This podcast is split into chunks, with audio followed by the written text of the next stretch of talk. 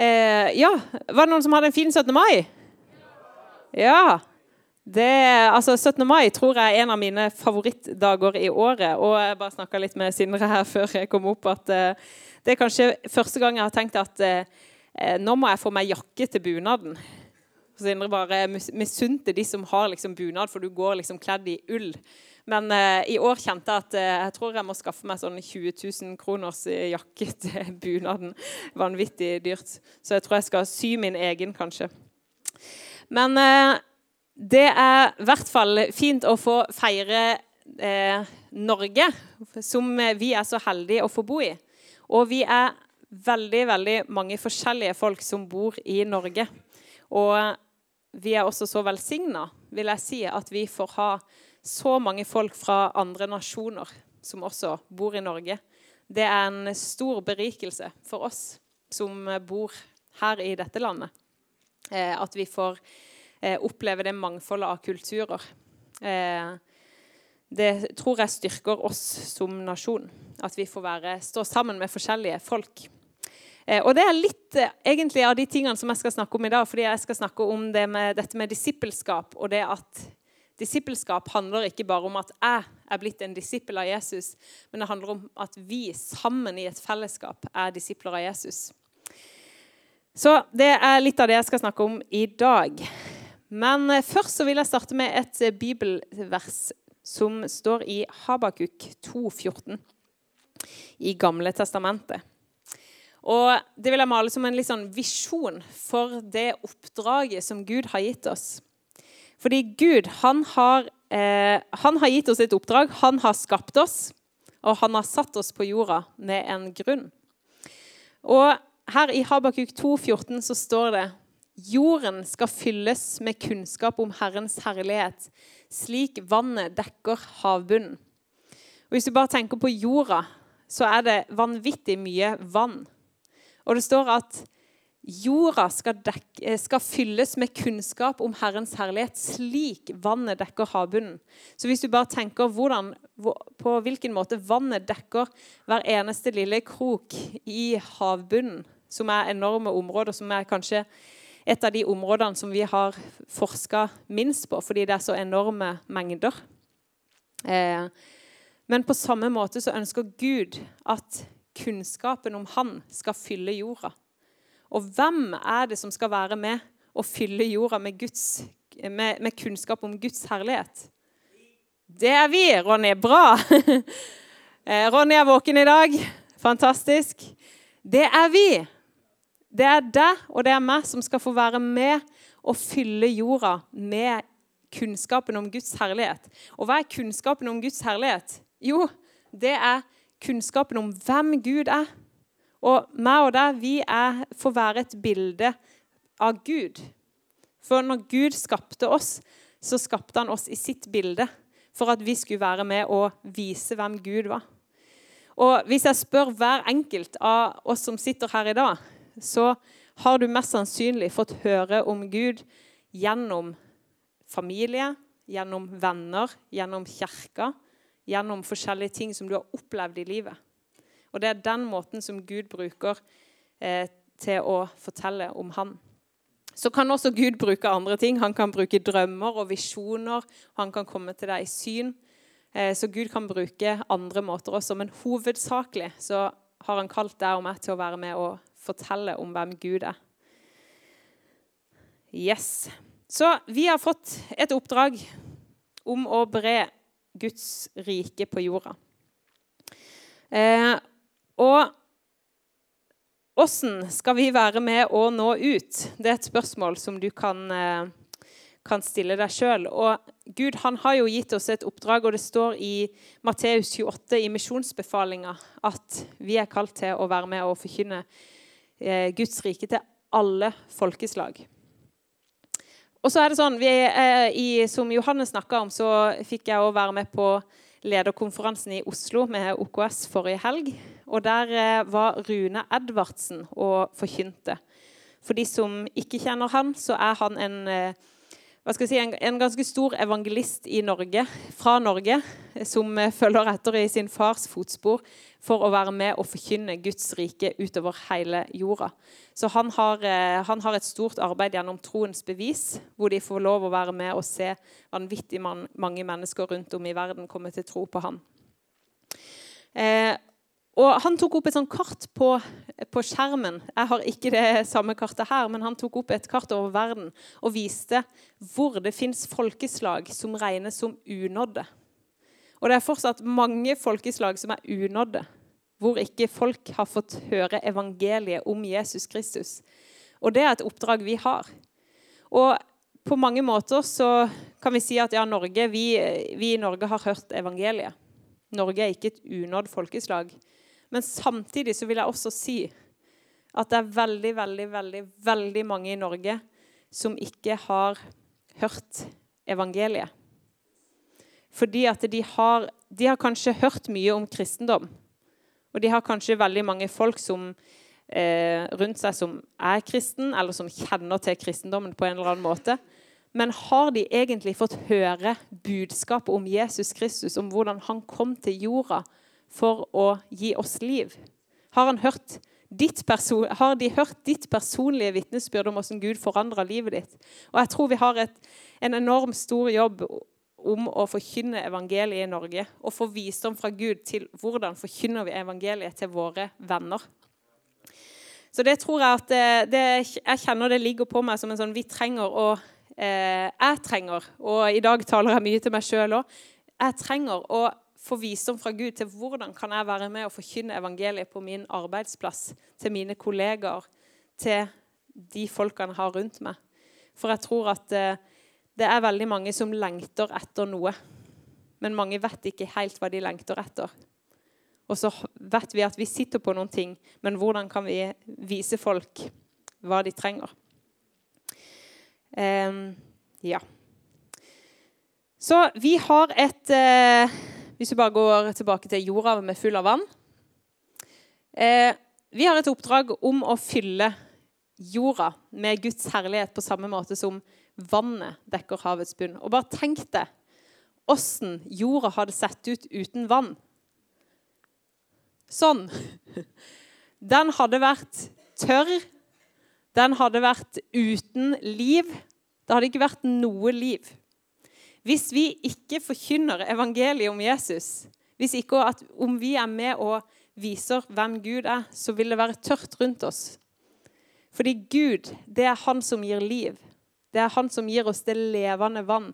Det står at, eh, at han er en kilde i oss som er, som er levende, som veller fram. Bekker av rennende vann. Og det er det som skal strømme fra innsida. Så Gud han kaller oss til å være med og spre liv rundt oss. Og til å gi det levende vann til folk. Sånn at vi ikke skal være tørr og uten liv.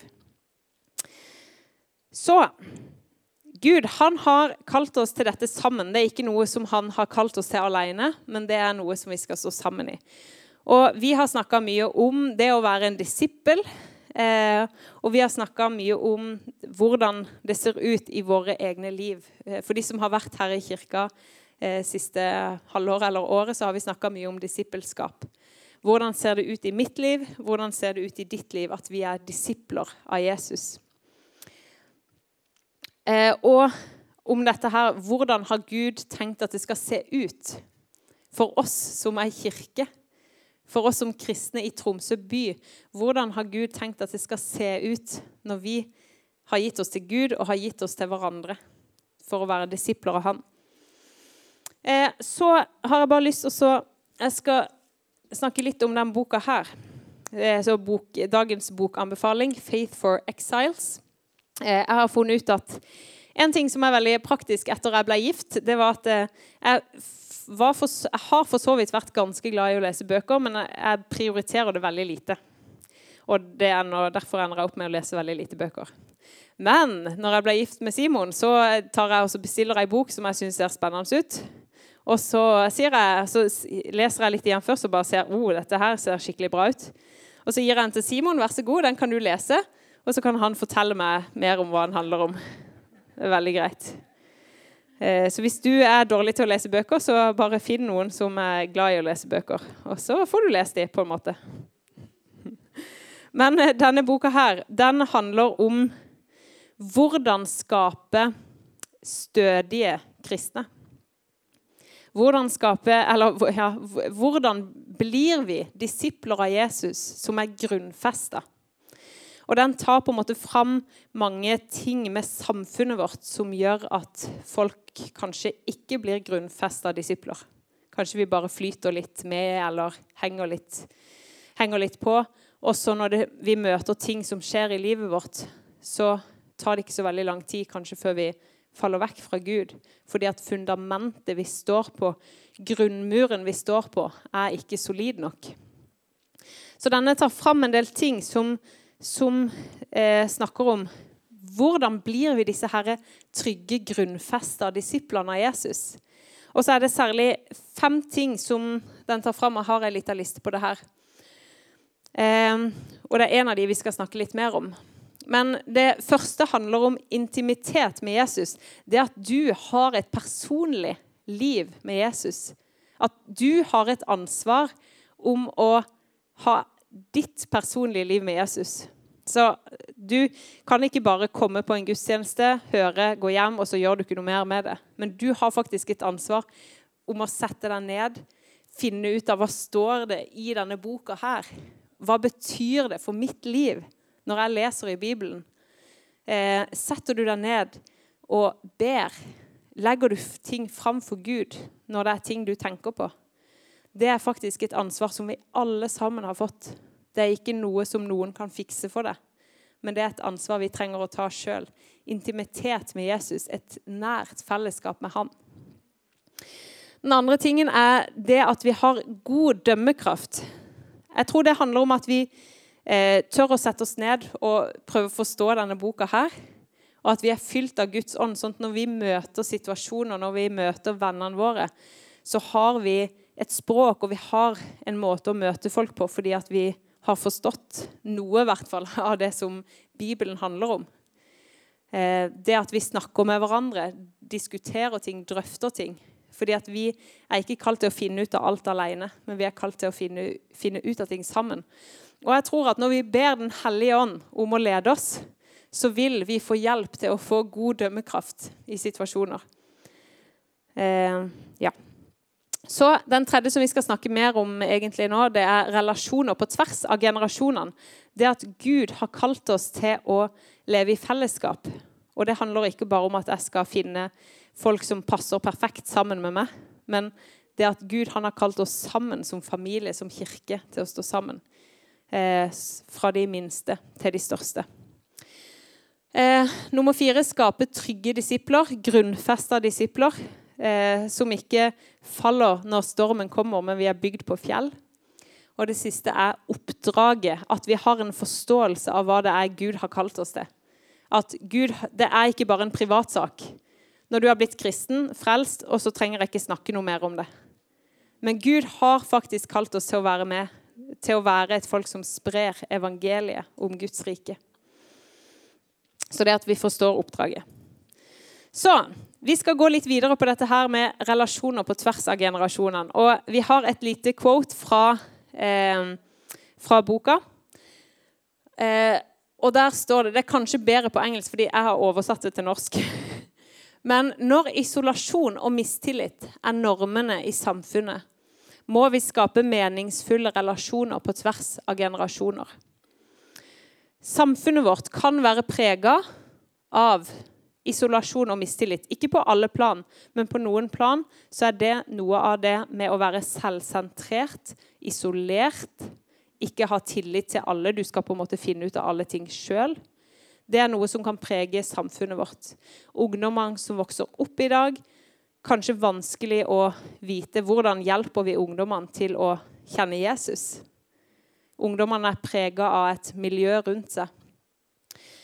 Eh, jeg tror at, som denne boka sier, så sier han det at midt i det samfunnet vi vokser opp i, så trenger vi å lære folk og vise folk det at vi har relasjoner på tvers av generasjonene som betyr noe. Det at når barn og ungdom vokser opp, så kan jeg få lov til å være med og bry meg. Det er ikke bare foreldrene sitt ansvar eller familien sitt ansvar. Men når et barn kommer inn i kirka her, så har vi alle et ansvar om å være med på å koble oss på hverandre. For jeg tror at når barna får oppleve at her er det flere som bryr seg om meg, så vil de få vokse opp med å se at det er ikke bare sånn at det er kun foreldrene mine som er det viktigste, men det er faktisk andre folk også som har en stemme inn i livet mitt. Eh, men det må vi lære dem fra de er små. Det kan være vanskelig når eh, du er blitt stor og ikke har erfart de tingene. Så tror jeg det er håp i alle situasjoner, og vi kan få være med og se at vi kan bringe veldig mange gode ting inn til ungdommer og studenter og unge voksne i denne byen her, som ikke kjenner Gud.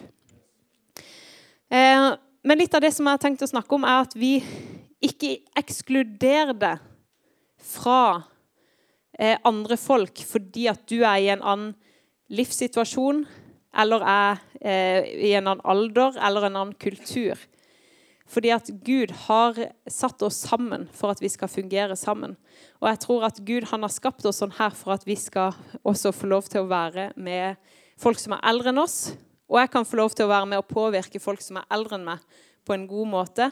Og jeg kan få lov til å være med å påvirke de som er yngre enn meg, på en god måte. Men så må jeg også tørre å la meg sjøl få bli forandra, sånn at jeg kan lære noe av de aller minste. Og jeg kan lære noe av de eldste. Så det at vi har en holdning i møte med folk at ja, jeg har noe å gi til deg, men at vi også har en holdning om at du har noe å gi til meg.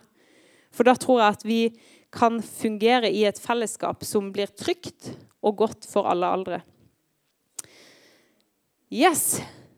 Så vi er kalt til å være disipler av Jesus i dette fellesskapet. Så vi skal bare egentlig kjapt gå litt inn på noen eh, bibelvers som forteller oss om det å være en disippel. Så vi skal bare gå gjennom eh, et par-tre bibelvers som handler om nettopp det, så vi har litt bibelsk fundament.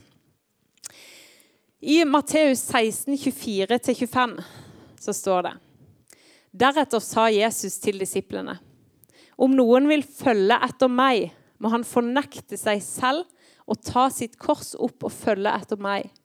For den som vil berge sitt liv, skal miste det. Men den som mister sitt liv for min skyld, skal finne det. Dette her er si, kanskje en av de mest radikale utsagnene om disippelskap. Jesus sier det at skal du følge etter meg, så må du ta opp ditt kors og følge meg.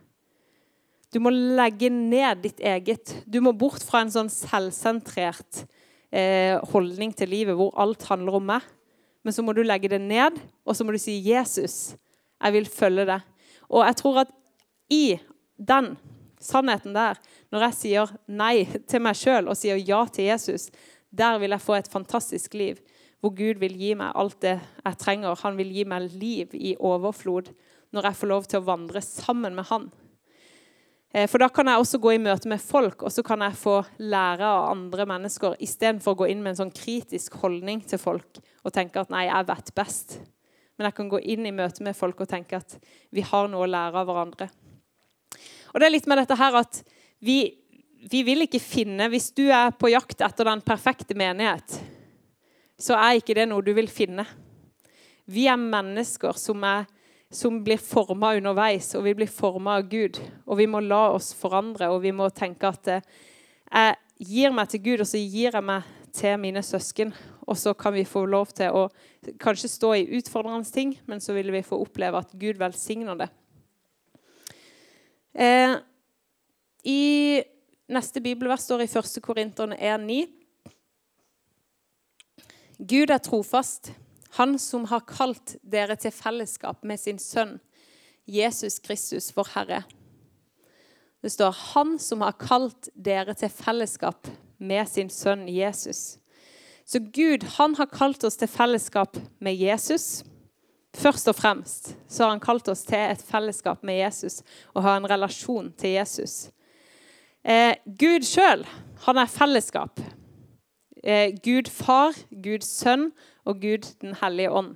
Gud er fellesskap. Han har kalt oss til Han, han har eh, skapt seg sjøl, eh, hvis jeg kan si det. Det var sikkert veldig teologisk feil. Eh, han er et fellesskap. Han elsker å være i et fellesskap. Derfor skapte han oss for å være i et fellesskap. Skal vi lese et bibelvers til? Fra 2. Korinterne 8,5, hvor det står eh, og, de ga, eh, og de ga seg ikke bare slik vi håpet, men de ga, og de ga ikke bare slik vi håpet, men de ga seg selv først til Herren og så til oss, slik Gud vil det.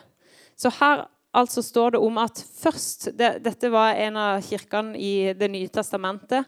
De hadde, eh, Jesus var, hadde dødd og gått opp til himmelen. Og så var det dette her med at når folk ble frelst, så ble de lagt til i en menighet.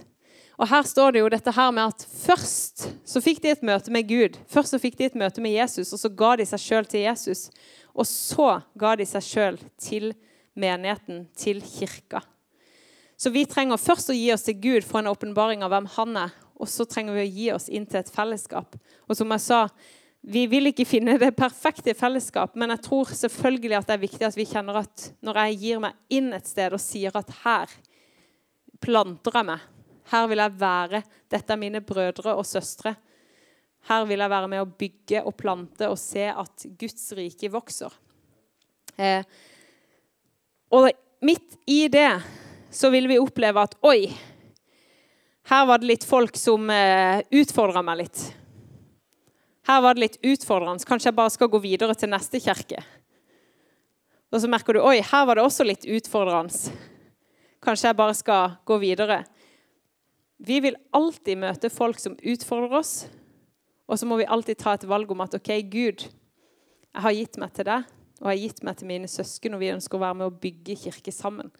Fordi det å bygge kirke, det er ikke bare at eh, Nei, jeg har bestemt meg for å følge Jesus, og det er det eneste jeg trenger.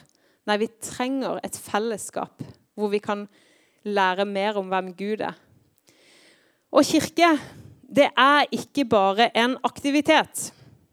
Det å komme på en gudstjeneste, det å komme på en øvelse, det å komme på en life-gruppe å være i ei kirke, det handler om hjertet ditt. Det handler om hva du er gitt til. Det handler om et helt liv.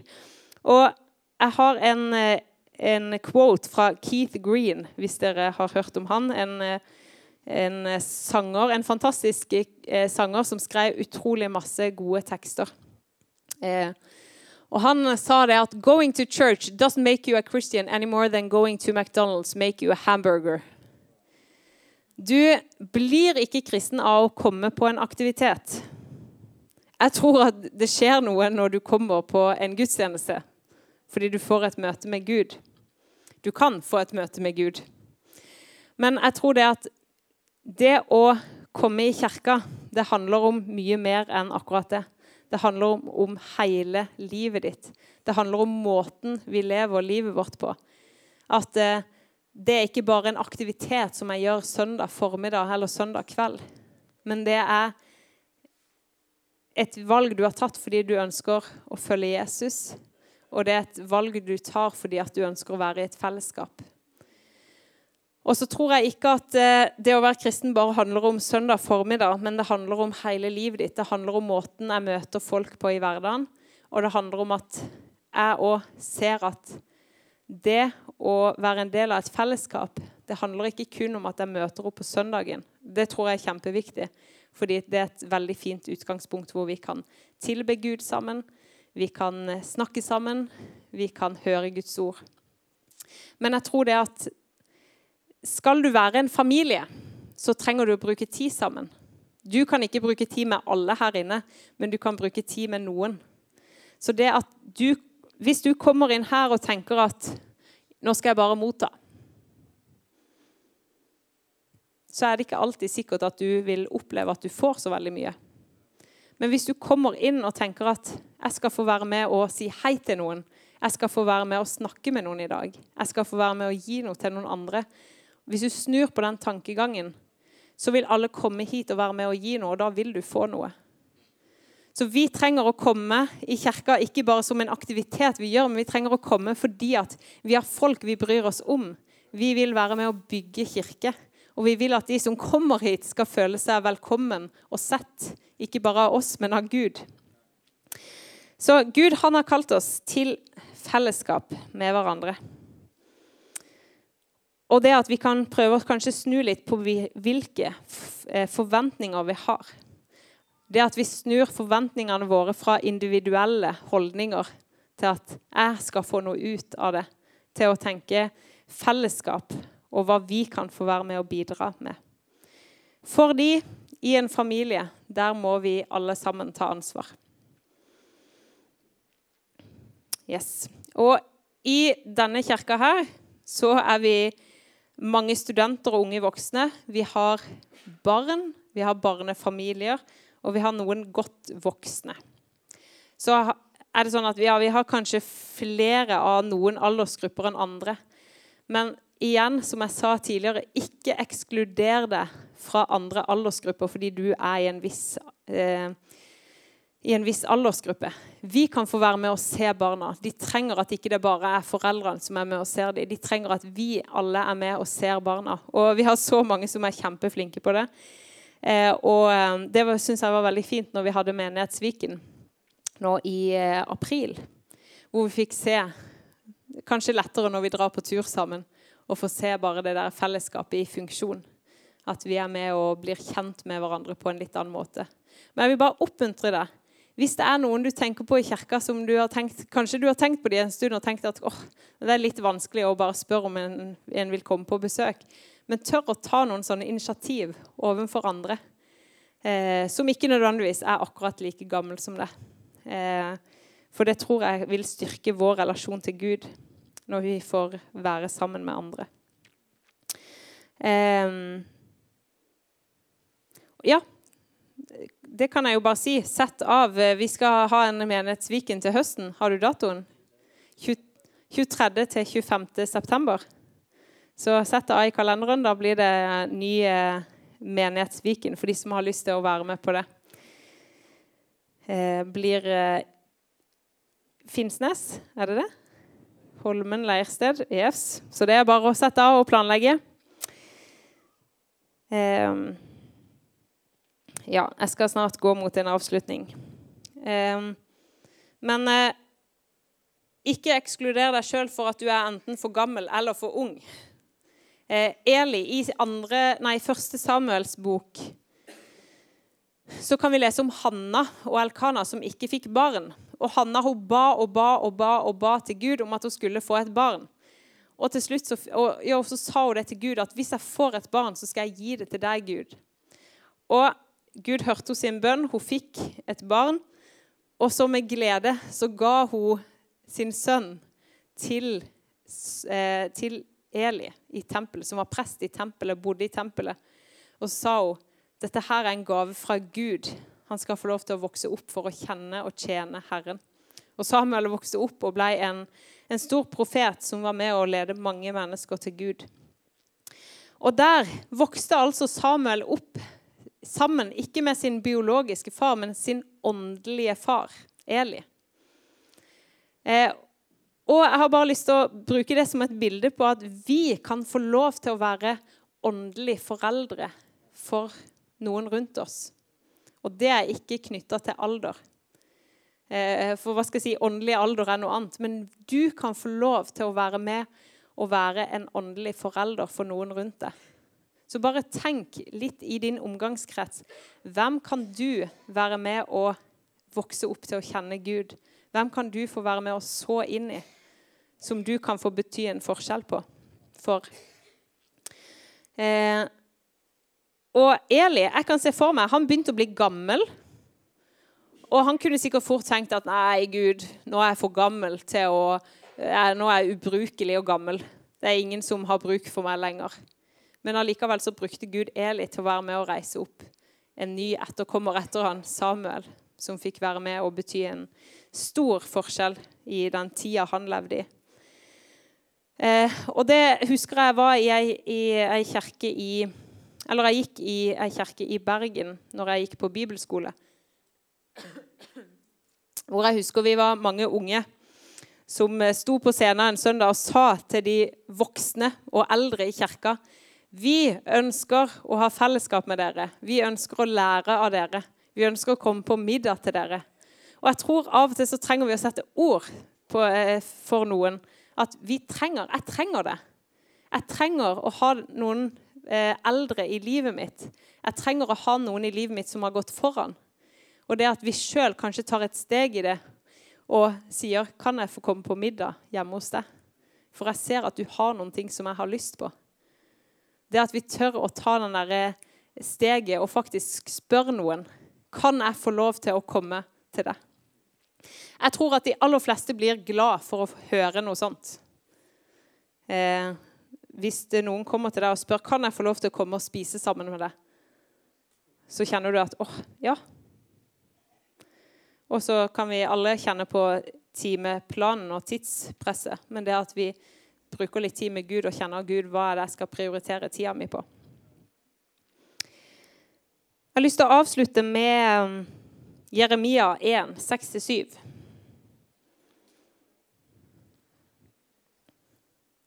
Men jeg sa, Å min Herre og Gud, se, jeg kan ikke tale, jeg er for ung. Da sa Herren til meg, du skal ikke si 'jeg er ung'. Overalt hvor jeg sender deg, skal du gå, og alt jeg befaler deg, skal du si.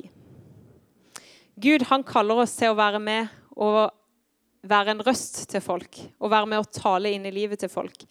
Kan, noen sier kanskje 'jeg er for ung'. Noen sier kanskje 'jeg har for lite erfaring'. Noen sier 'jeg har for lite bibelkunnskap'. Noen sier 'jeg har, for, jeg har eh, kjent Gud for kort'. Men Gud han har tenkt å bruke hver enkelt av oss på sin måte. Så vi kan komme fram for Gud, og så kan han bruke oss. Ikke si 'jeg er ung', eller ikke si 'jeg har for lite erfaring'. Ikke si 'jeg har for lite å komme med'. Fordi overalt hvor Gud sender deg, skal du gå, og alt Gud befaler deg, skal du si. Og da tror jeg at vi vil få se at Gud, han gjør noe med livet vårt, og han gjør noe med de folkene rundt oss. Så dagens oppmuntring lev tett på folk rundt deg. Tør å ta initiativ overfor folk, fordi vi er ikke kalt til å leve alene, men vi er kalt til å leve i fellesskap med hverandre. Yes. Jeg tror vi skal bare be en bønn til slutt. Takk, Jesus, for din godhet. Takk, Jesus, for at du har kalt oss til å være et folk, en kirke, som står sammen. Takk, Jesus, for at du har kalt oss til å være med og eh, gi noe til hverandre. Og takk, Jesus, for det du har lagt på hjertene våre. Og Jeg bare ber akkurat nå for hver enkelt her og det du har lagt på hjertet til hver enkelt. Og Jesus, jeg bare ber, ta det og bruk det, og la det vokse, Herre. Herre, la oss få se at vi blir et folk i denne byen som kan få være med og nå ut til vennene våre, Herre. Som kan få være med og nå ut til de vi har rundt oss. Jesus, bygg ditt rike, ikke sånn som vi vil, men sånn som du vil, Jesus. Bruk hendene våre, bruk føttene våre sånn som du vil, Jesus. Takk, Jesus.